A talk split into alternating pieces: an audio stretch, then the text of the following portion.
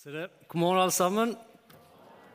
Og Gratulerer med dagen. Det er allerede blitt sagt, men det er jo en glede å få lov til å si det til dere alle. Gratulerer med dagen, med, med den store pinsedagen. Og vi skal lese en tekst i sammen i dag fra Apostelsgjerningene 2. Vi fortsetter fra sist søndag. Vi var i Apostelsgjerningene 1. Nå er vi i kapittel 2, og det handler om når Den hellige ånd kom. Og, um, jeg kan bare si det før, for vi har to fantastisk flotte, uh, gode som står bak her, som skal lese teksten for oss. Men før vi begynner med det, så må vi bare si det. Den teksten her den kunne vi sikkert prekt om i fire-fem søndager, for her er det mye. Så vi er nødt til å velge ut litt, og det har vi gjort i dag. Men uh, bak meg så står Elisabeth, og her står Joel, og de skal få lov til å lese teksten for dagen. Skal vi gi det en god applaus?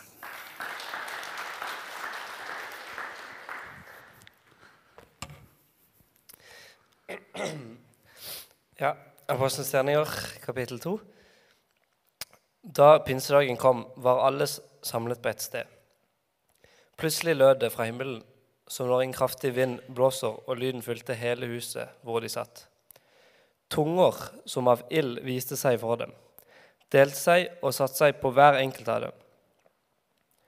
Da ble de alle fulgt av Den hellige ånd, og de begynte å tale på andre språk ettersom Ånden ga dem å forkynne.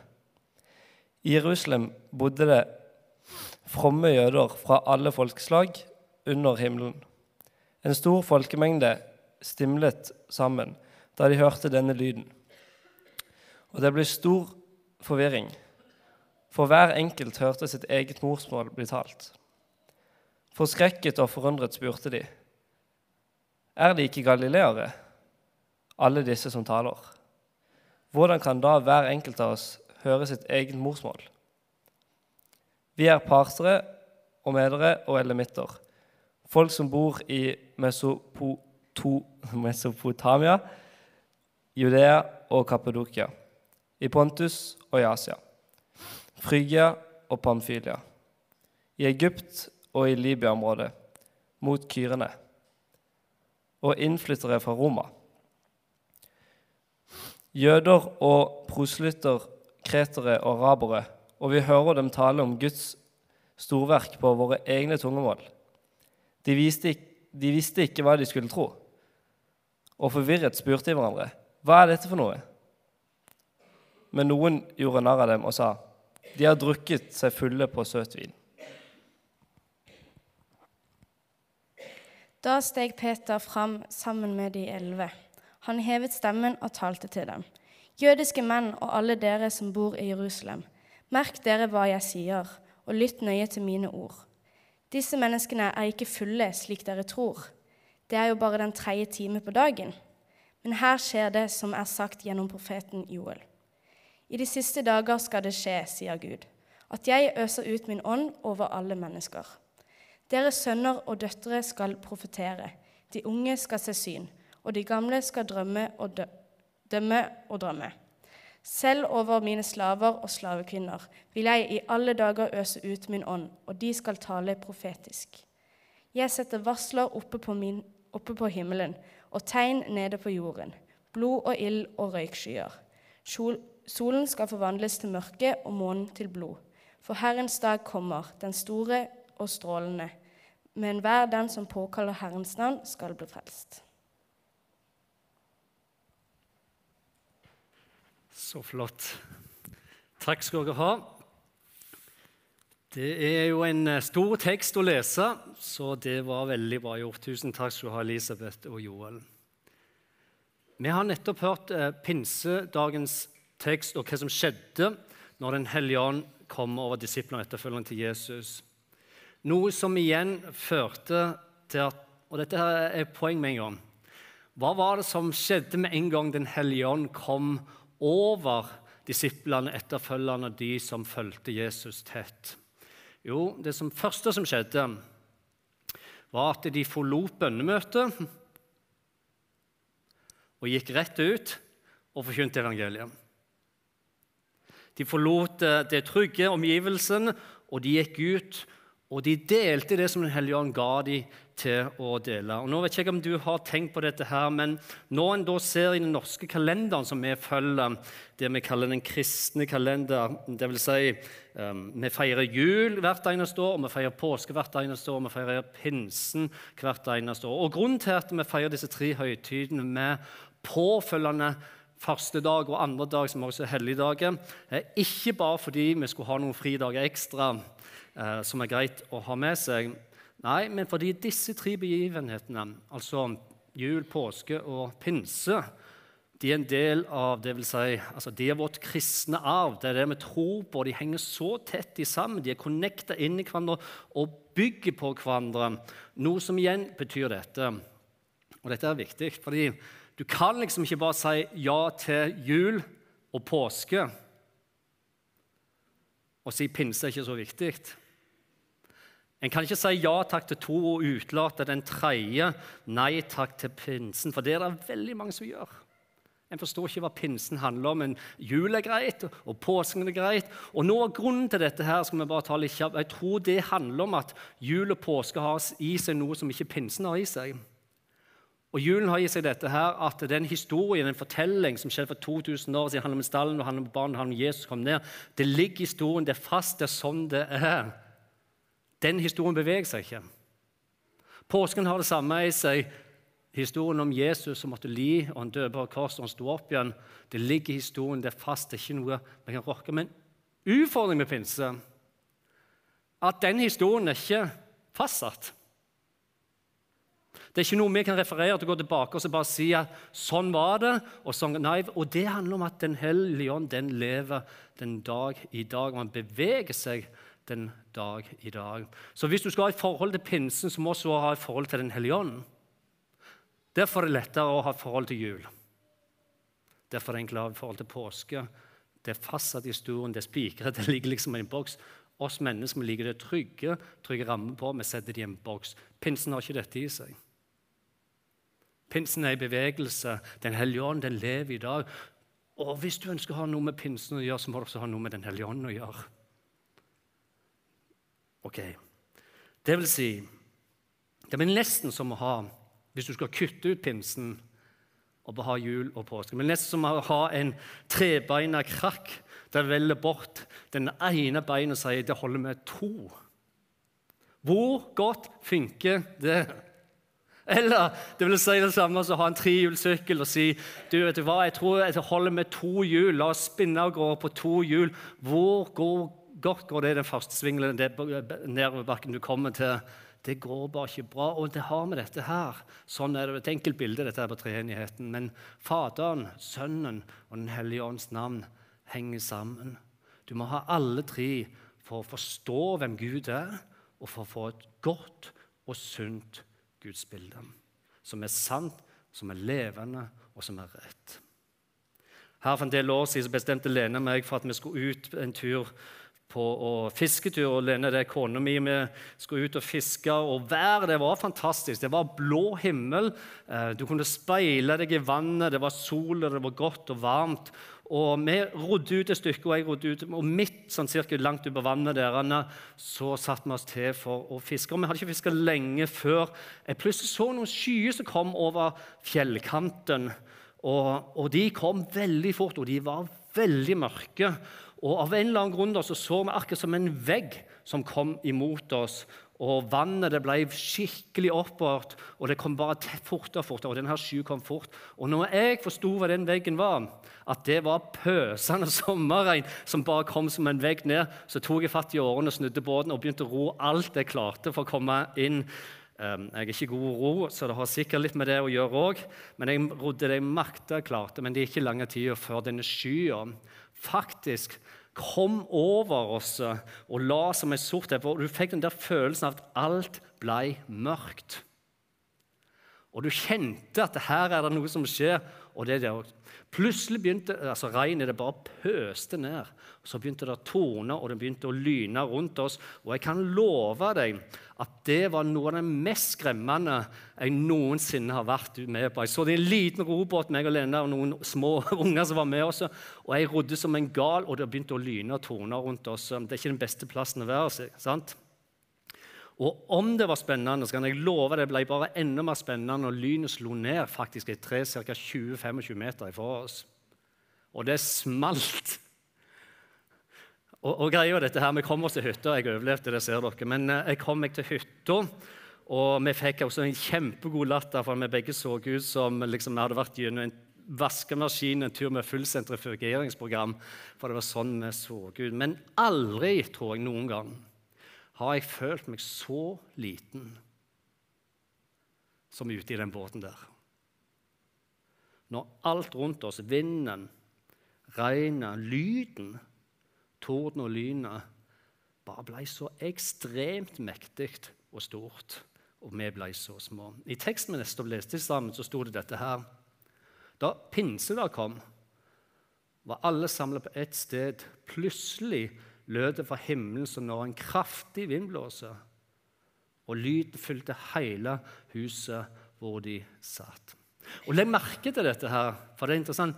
Det står da pinsedag kom, sto det. Kom. Og hva betyr det? Jo, det betyr at pinsedag allerede var ei høytid i Israel og Jerusalem. Da pinsedag kom, betyr at det lå allerede i kalenderen deres. Dette var noe de hadde feiret generasjon etter generasjon i hundrevis av år. Da pinsedag kom. Men hvorfor feirte de denne dagen før Den hellige ånd kom? For vi tenker veldig fort at det var pga. Den hellige ånd, men det var ikke det. Grunnen til de feirte pinse, finner du tilbake i Gammeltestamentet. Du må 3200 år cirka tilbake, for der finner du opprinnelsen til pinse. Ca. 1200 år før Jesus faktisk kom på jorda, finner du opprinnelsen. Og det er helt tilbake i Moses' i tid. Og Det som kan være greit å vite om Moses, er dette her, at Moses i sitt liv har tre store epoker. Den første de 40 årene hadde i Egypt under farao sin vinge. De neste 40 år er når han er ute i ørkenen, han er på flukt og han gjemmer seg. Og de siste 40 åra er når han leder Israelsfolket ut fra Egypt og ut i ørkenen på vei til løfteslandet. Og det er her, midt imellom disse to siste epokene, når Moses er ca. 80 år, at vi kan lese at Moses han er ute. og Han passer sauene sine, og han plutselig så ser han en buss som står og brenner, men ilden brenner han ikke opp. Og Grunnen til at ilden ikke brenner busken opp, er fordi det er Gud som er i ilden. Og det er her Gud i ilden kaller Moses til å lede Israelsfolket ut fra fangenskapet som de har levd i over 400 år. Moses er etter en liten stund fram og tilbake lydige til det kallet Gud gir ham. Og i det hele israelsfolket forlater Egypt, så går det 50 dager etter de har forlatt Egypt og fangenskapet, slaveriet. 50 dager i frihet går det før de står ved Sinafjellet og Gud kommer ned fra himmelen som ei sky over dem. Og igjen Gud er gjelden. Og gir Moses de ti budene som senere skulle bli eh, det som skulle bli til loven. Og Slik beskriver Bibelen når Gud kommer ned som en sky over sine fjeller. Det står da tok det til å torne og lyne. Ei tung sky la seg over fjellet, og det gjalla høyt fra bukkehorn. All folk i leiren skalv av redsel. Og Jeg håper at du klarer å se dette for deg, for dette er et mektig syn. Det er en grunn til de skjelver av redselen. Men Moses førte folket ut av leiren for å møte Gud. Og de stilte seg ved foten av fjellet. Hele Sinafjellet sto i røyk fordi Herren hadde steget ned på det i ild. Røyken steg opp som røyken av en smelteovn, og hele fjellet skalv.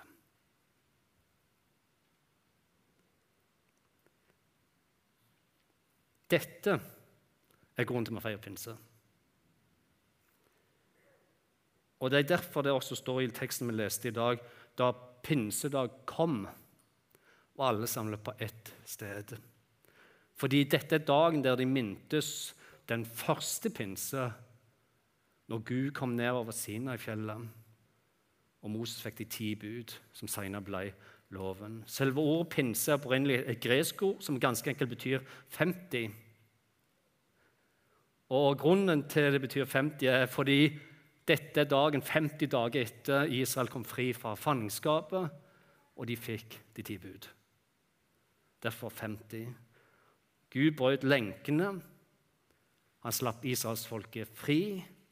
Og fangenskap fra Egypt var et tilbakelagt stadie når de møtte Gud med Sina i fjellet.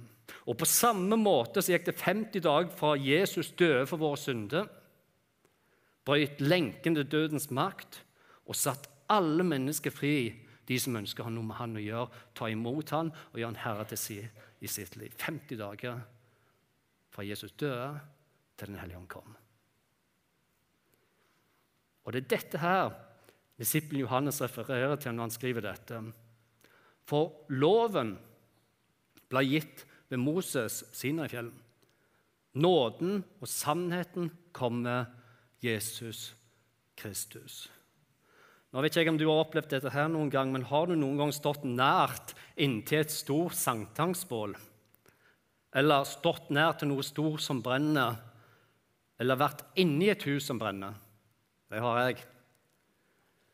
Før vi kom til Lyngdal, og når vi bodde på Bryne, så i tillegg til å være pastor, så jobba jeg også som en brannmann i en deltidsstilling. Og her er det et bilde av det. Og Jeg har vist dette bildet før, og da fikk jeg en vanvittig god kommentar som jeg tenkte faktisk etterpå kan jeg bruke dette bildet igjen. Fordi den kommentaren gikk ut på Hvorfor står du og smiler mens det brenner som bare gjøken bak deg? Er ikke du brannmann, liksom? Det var posebildet. Men eh, en gang eh, så fikk jeg lov til å være med spesielt en gang da, inn i et hus. og Vi var på vei inn i et hus som brant uh, skikkelig. og Vi drev et søk og vi gikk opp i andre etasje. Da røyken lå som et teppe liksom, under taket. Og mens vi da var der, og vi gikk veldig lågt inn der, så plutselig så antenner denne her røyken. Og i løpet av ett sekund så blir all den svarte røyken inn i huset til ild. Flammer. Og det blir vanvittig varmt, og vi må bare kaste oss i gulvet. Og vi kryper eh, oss ut igjen og ned gjennom trappene og kommer ut. Og Hvis jeg var spent før jeg kom inn i huset, så kan jeg love deg at adrenalinet var knallhøyt når jeg opplevde dette. Fordi inni ilden, der er det krefter. Der er det varmt, og det er ukontrollerbart. Og vi bare visste at her kan ikke vi være for lenge. Fordi det er farlig. Når vi leser videre teksten i dag, så står det sånn som dette her. Tunger som av ild viste seg for dem, delte seg og satte seg på hver enkelt av dem. Da ble de alle fulgt av Den hellige ånd, og de begynte å tale på andre språk som ånden ga dem, og forkynne. Du ser det, for oss som lever i dag, når vi leser at tunga vil satse på dem, så tenker kanskje ikke vi så mye over det. Eller kanskje vi ser for oss en slags type flamme over hodet. Eller kanskje vi tenker at dette her var ilden et symbolsk bilde for når Den hellige ånd kom. Men det er det ikke. For de som opplevde dette, så var dette her helt grensesprengende. Ikke bare fordi det faktisk var tunga vil som satte seg på hodene deres, det var grensesprengende nok, det, men det var ikke derfor det var grensesprengende. For det som kom nå, et helt annet nivå. Det var mye større enn det. Mye mektigere enn det, fordi de visste alle hva denne ilden virkelig betydde. I Det gamle testamentet, og når Guds herlighet viser seg når Gud sin helt unike, spesielle nærvær kom nær mennesket, så viser han seg som ild igjen og igjen og igjen. Som f.eks. i Mosebok, 1. Mosebok 15, når han gjør en pakt med Abraham. Da står det sånn som dette her. Solen gikk ned, og det ble mørkt. Og se, en rykende omkomstsyne og en flammende fakkel, en flammende fakkel for mellom kjøttstykkene. Og det vi leser videre her i denne historien, er at når Gud kommer som en flammende fakkel, som en ild, så faller Abraham til bakken og blir slått ut av redselen. Eller sånn som vi leser i 2. Mosebok 3, når Gud åpenbarer seg for Moses for første gang ute i ødemarken. Da står det sånn som dette her. Da viste Herrens engel seg for en flammende ild, som slo opp fra en tårnebusk. Han så og se, busken sto i flammer, men den ble ikke fortært av ilden. Og når det går opp for Moses når han kommer nærmere nok at det er Gud som er ilden, hva gjør da Moses da? Jo, da dekker han til i ansiktet, så kan han gjemme seg i frykt for å se Gud. Eller når profeten Esekiel får seg kall og en åpenbaring om hvem Gud er, og han prøver å beskrive det, og prøver å sette det ned i ord på et ark, eller hva det enn var, så skriver han sånn som dette her. Jeg så og se, en stormvind kom fra nord, en stor sky og en flammende eld. Det var lysglans eh, omkring den, og ut fra midten blinket det som om skinnende metall ut fra ilden.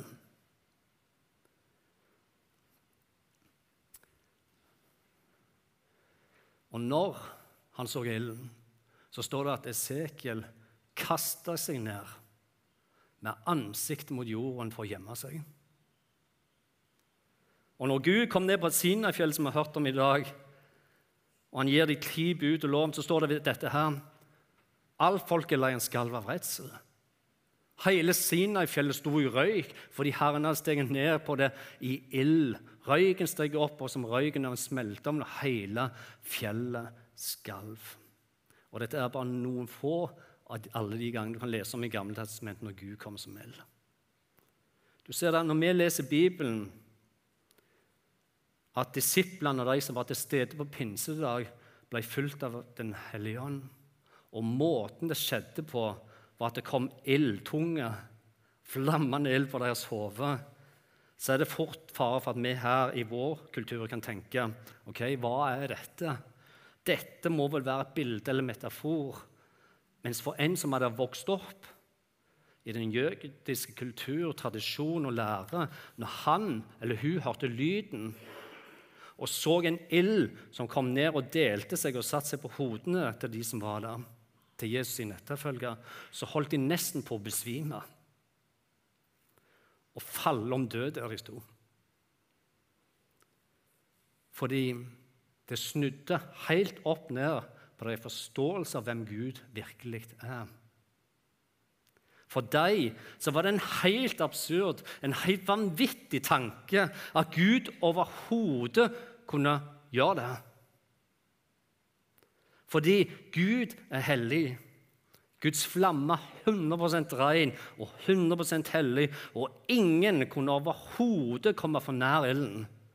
Fordi den renser, og den sluker, og den fortærer alt som ikke var 100% hellig og rent. For dem var det ikke deres villeste fantasi mulighet for å få dette her til å gå sammen. Gud kunne komme som en ild og dele seg opp, og at de får lov til å se at den satte seg på hodet til de troende, slik han gjorde på pinsedag Det eneste som kom bety da, var dette her, at deres Gud, altså ilden som kom ned på Sinai-fjellet, slik at hele fjellet rista, Gud som var skjult i paktkisten, Gud som var i tabernakler, som i generasjon etter generasjon var skjult bak et massivt forheng, forheng i det aller helligste, på grunn av sin hellighet og herlighet. At Gud kunne komme over de troende. Og ikke bare over dem i ilden, men flytta inn og tok bolig i deres liv med hele sin herlighet. Hvordan klarte de å få det til å gå sammen? Det var umulig å få til. Det, det, måtte jo bety at den første pinsen, da de måtte skjule seg og skalve av redsel pga. Guds herlighet, måtte jo separere fra den andre prinsen. Fordi den guden de så i den andre pinsen, når han kom nær og kom inn til dem og faktisk valgte å ta bolig i dem, det var så langt borte fra det de kunne tro var overhodet mulig. Og det er derfor når folk ble forvirra og lurer på hva som skjer, at Peter står fram på pinsedag. Og når han begynner å tale og forklare hva som skjer, så går det opp en oppdagelse for folk. Fordi Peter han tar fram en urgammel eh, profeti, og han sier det sånn som dette her. At i de siste dager så skal det skje at jeg øser ut av min ånd over alle mennesker. Der sønner og døtre skal profetere, og de unge skal se syn, og de gamle skal drømme drømmer. Ja, sjøl over mine slaver og slavekvinner vil jeg de dager ut av min ånd, og de skal tale profetisk. Og når Peter er ferdig med talen sin, så står det videre at det var så mange som 3000 mennesker som ble overbevist, og som valgte å tro at det var nødt til å være Gud som var gjelden. Og at det var den samme Gud som ved sin nåde og sannhet inkluderer alle mennesker, til og med de laveste av de lave i samfunnet, slavekvinnene. Som overhodet ikke hadde noe menneskelig verdi, rettighet eller stemme på den tida. Ikke bare var de kvinner som ingen stemme hadde. En mann kunne skrive ut et skilsmissebrev og si det var det gjort, ferdig, ha det godt. Kvinnen hadde ingen rett. Men profeten Joel får en profeti fra Gud. Når han får denne profetien her, ca. 600 år før Jesus kommer, så må det her ryste folk rundt. Og Kanskje folk tenker du er gal, det går ikke an, det er helt umulig. Men det Gud sier i sin profeti, at det til og med slavekvinner er inkludert. Slavekvinnen som ikke hadde noen rettigheter, ble inkludert og fikk rettighet og verdi hos Gud. Du ser da Om du leser Det gamle testamentet og Jeremias bok, så vil du se profeten Jeremia ca. 550 år før det skjer, på en profeti fra Gud som han gir videre til folket. Og Det Gud viser gjennom Jeremia, denne profetien, er at han knytter Israels utgang fra Egypt og Sinafjellet og de ti bud med Den hellige ånd når den kommer på pinsen. Han knytter budet og pakten sammen med Den hellige ånd som skulle komme. Den første pinse sammen med den andre pinse. Så Gud han skyver ikke pinsen ifra hverandre. Nei, han knytter de sammen sammen, og han legger de oppå hverandre. Nå skal du se noe interessant her. Det står dette her. Se, dager skal komme, sier Herren, da jeg skal slutte en ny pakt med Israels hus og Judas hus. Ikke som den pakten jeg slutta med fedrene deres. Den dagen jeg tok de i hånd og førte de ut av Egypt. Den pakten brøt de. Ennå jeg var deres herre, sier Herren. Men dette er pakten jeg vil slutte med Israels hus i de dager som skal komme, sier Herren. Jeg legger min lov ti bud, loven, i deres sinn. Og skriv den i deres hjerte. Jeg skal være deres Gud, og de skal være mitt folk. Og Det vi leser her, og det vi blir vitne til her, er at Gud knytter sammen disse to profetiene. Og Han ikke bare knytter de sammen, han legger de oppå hverandre, og han sammensmelter de i hverandre. Han helbreder, tar bort avstanden, han tar bort skillet, han knuser dødens makt. Han åpner alle dører og alle stengsler inn til Guds rike, sier at vi skal få lov til å leve i nær relasjon uten å frykte han, uten å være redd han, men få lov til å elske han. Profeten Esekiel beskriver sånn som dette her. Jeg vil gi dere et nytt hjerte og la dere få ny ånd inni dere. Jeg vil ta steinhjertet, buda, tavlene, ut av kroppen deres og gi dere et kjøtthjerte istedenfor. Her er et bra poeng å få med seg fordi alle de ti buda har dette i seg, at de er relasjonelle. Alle de ti budene Moses fikk, er relasjonelle. Og hva mener jeg med det? Jo, med det mener jeg, Om du leser de tre første budene, så vil du se at de handler om vår relasjon til Gud. Om du leser de syv neste budene, så vil jeg si det handler om vår relasjon til hverandre. Alle de ti budene er relasjonelle. Som betyr at alle de ti budene Moses fikk den første pinsedag, har dette i sentrum. med Gud lengter, ønsker og elsker gode, sunne, hellige, kjærlige relasjoner. Gud elsker det. Jesus sier sånn som dette her. Tro ikke at jeg kom for å oppheve loven eller profetene. Jeg er ikke kommet for å oppheve, men for å oppfylle dem. Og det er ingenting annet enn fantastisk stort. Jesus han opphevde ikke loven, han oppfylte loven. Han gjorde det ingen mennesker klarte eller klarer. Han holdt loven 100% Han bana vei for oss. Han ble prøvd i alle ting som et menneske, og han holdt ut i alle ting. Og som om ikke det var nok, så ofra han seg. Han som var 100% ren, ble 100 urein. For at vi skal få muligheten til det Gud i alle tider har lengtet etter. Og alle mennesker dypest sett lengter etter. En god, sunn, hellig, kjærlig relasjon.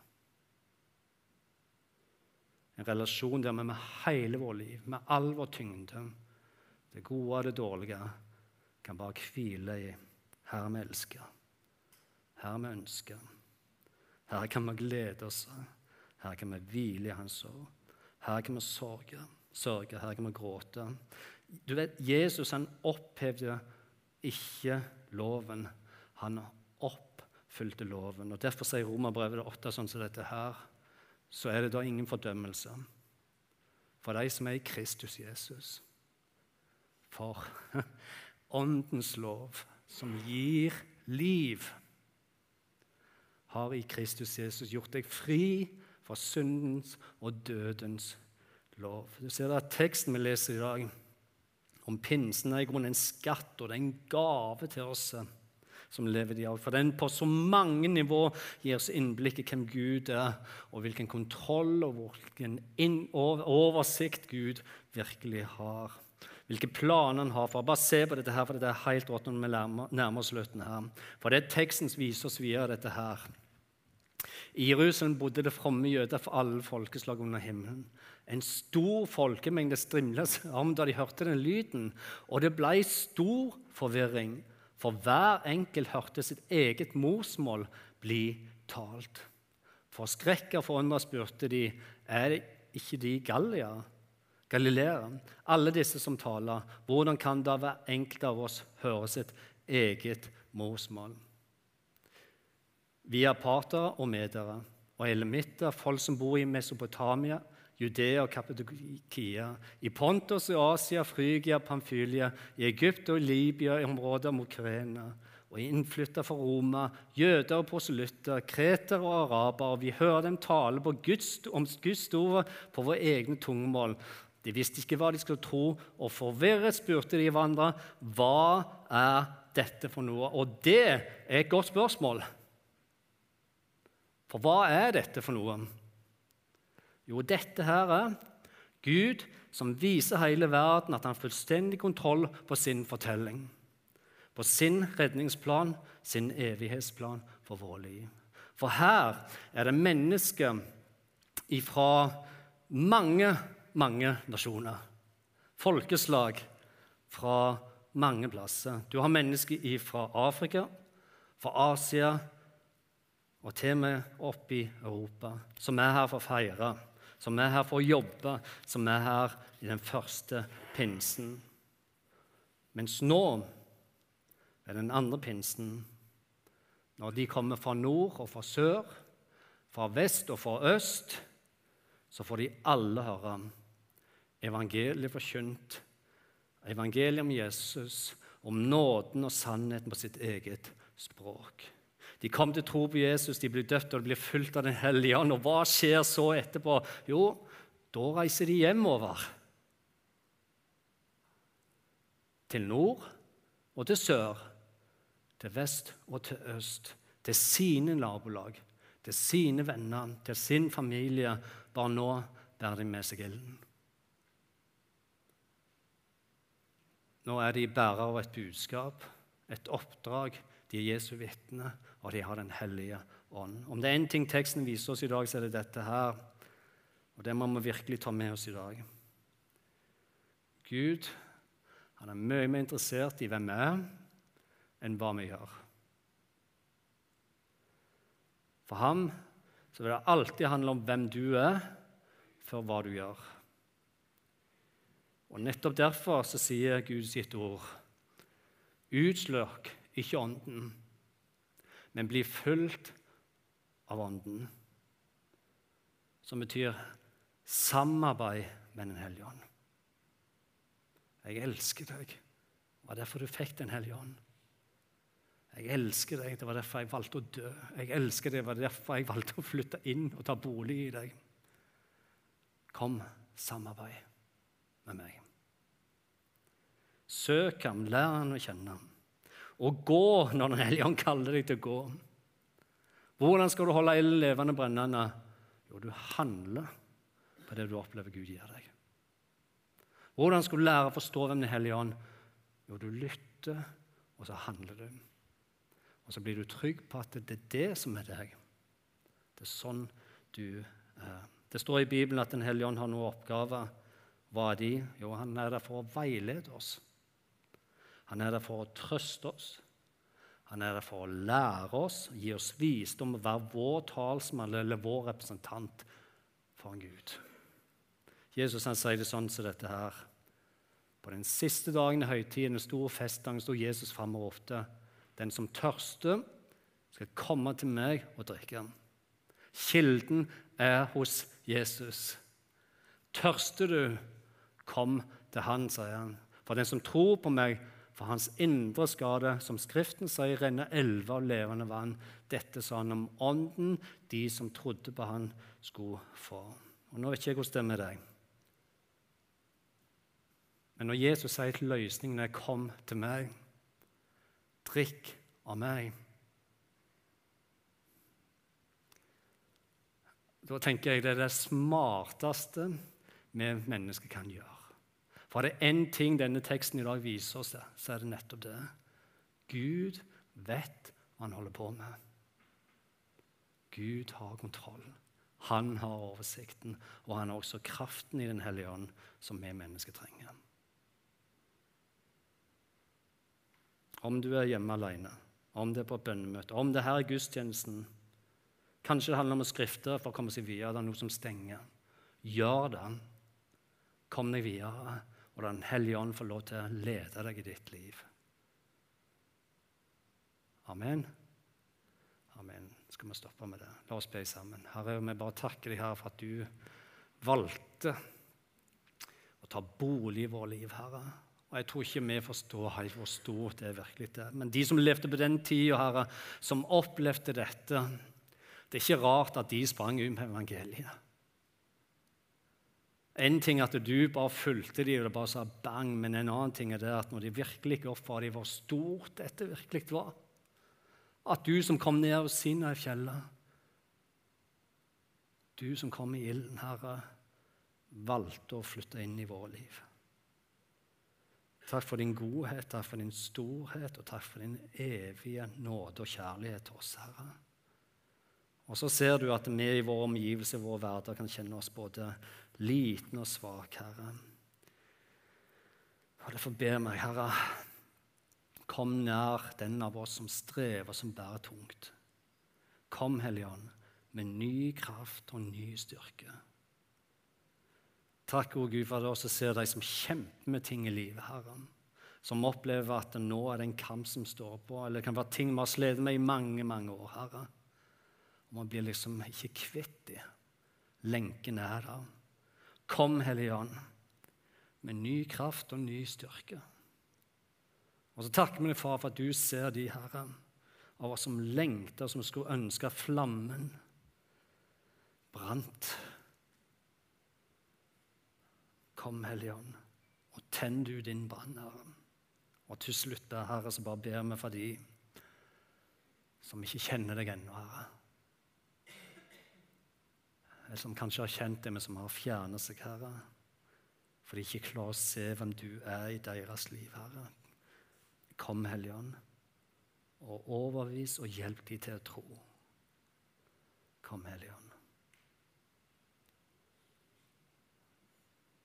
Kom du, Herre, med din herlighet. I Jesu navn jeg ber. Amen.